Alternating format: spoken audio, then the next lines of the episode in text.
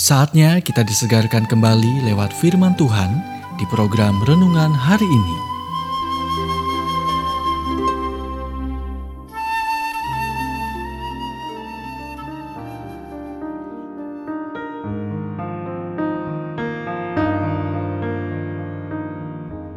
Renungan hari ini berjudul Anda tidak dikirim untuk lakukan apa. Nats Alkitab dari Yohanes 20 ayat 21. Sama seperti Bapa mengutus aku, demikian juga sekarang aku mengutus kamu. Yesus berkata, sama seperti Bapa mengutus aku, demikian juga sekarang aku mengutus kamu. Perhatikan, ini tentang bagaimana Tuhan ingin kita membagikan Injil, bukan aturan, peraturan, dan perintah dari berbagai denominasi. Pahami ini. Pertama, kita dikirim untuk melayani, bukan dilayani. Anak manusia datang bukan untuk dilayani, melainkan untuk melayani dan untuk memberikan nyawanya menjadi tebusan bagi banyak orang.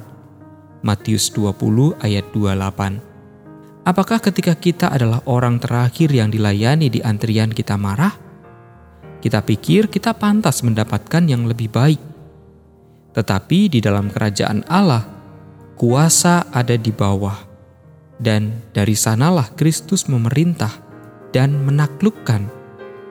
Kita harus sampai pada akhir diri kita sendiri. Kita tidak mewakili Yesus, kecuali kita bersedia mengenakan celemek kerendahan hati dan membasuh kaki saudara kita bahkan jika namanya adalah Yudas. Yang kedua, kita diutus untuk melakukan kehendak Allah, bukan kehendak kita sendiri. Yesus berkata, "Aku datang bukan untuk melakukan kehendakku sendiri, melainkan kehendak Dia yang mengutus aku." Yohanes 6 ayat 38. Ketika kita masih muda dan orang-orang bertanya tentang rencana hidup kita, Terkadang kita berkata, "Saya ingin menjadi dokter, atau guru, atau pemilik bisnis." Tapi kita benar-benar membutuhkannya untuk menambahkan kehendak Tuhan, karena kecuali Dia ada di dalamnya, Anda sendirian. Memilih pekerjaan yang salah akan menempatkan Anda di tempat yang salah dengan orang yang salah dan akibatnya segala sesuatu dalam hidup Anda akan salah. Anda baru saja mendengarkan renungan hari ini.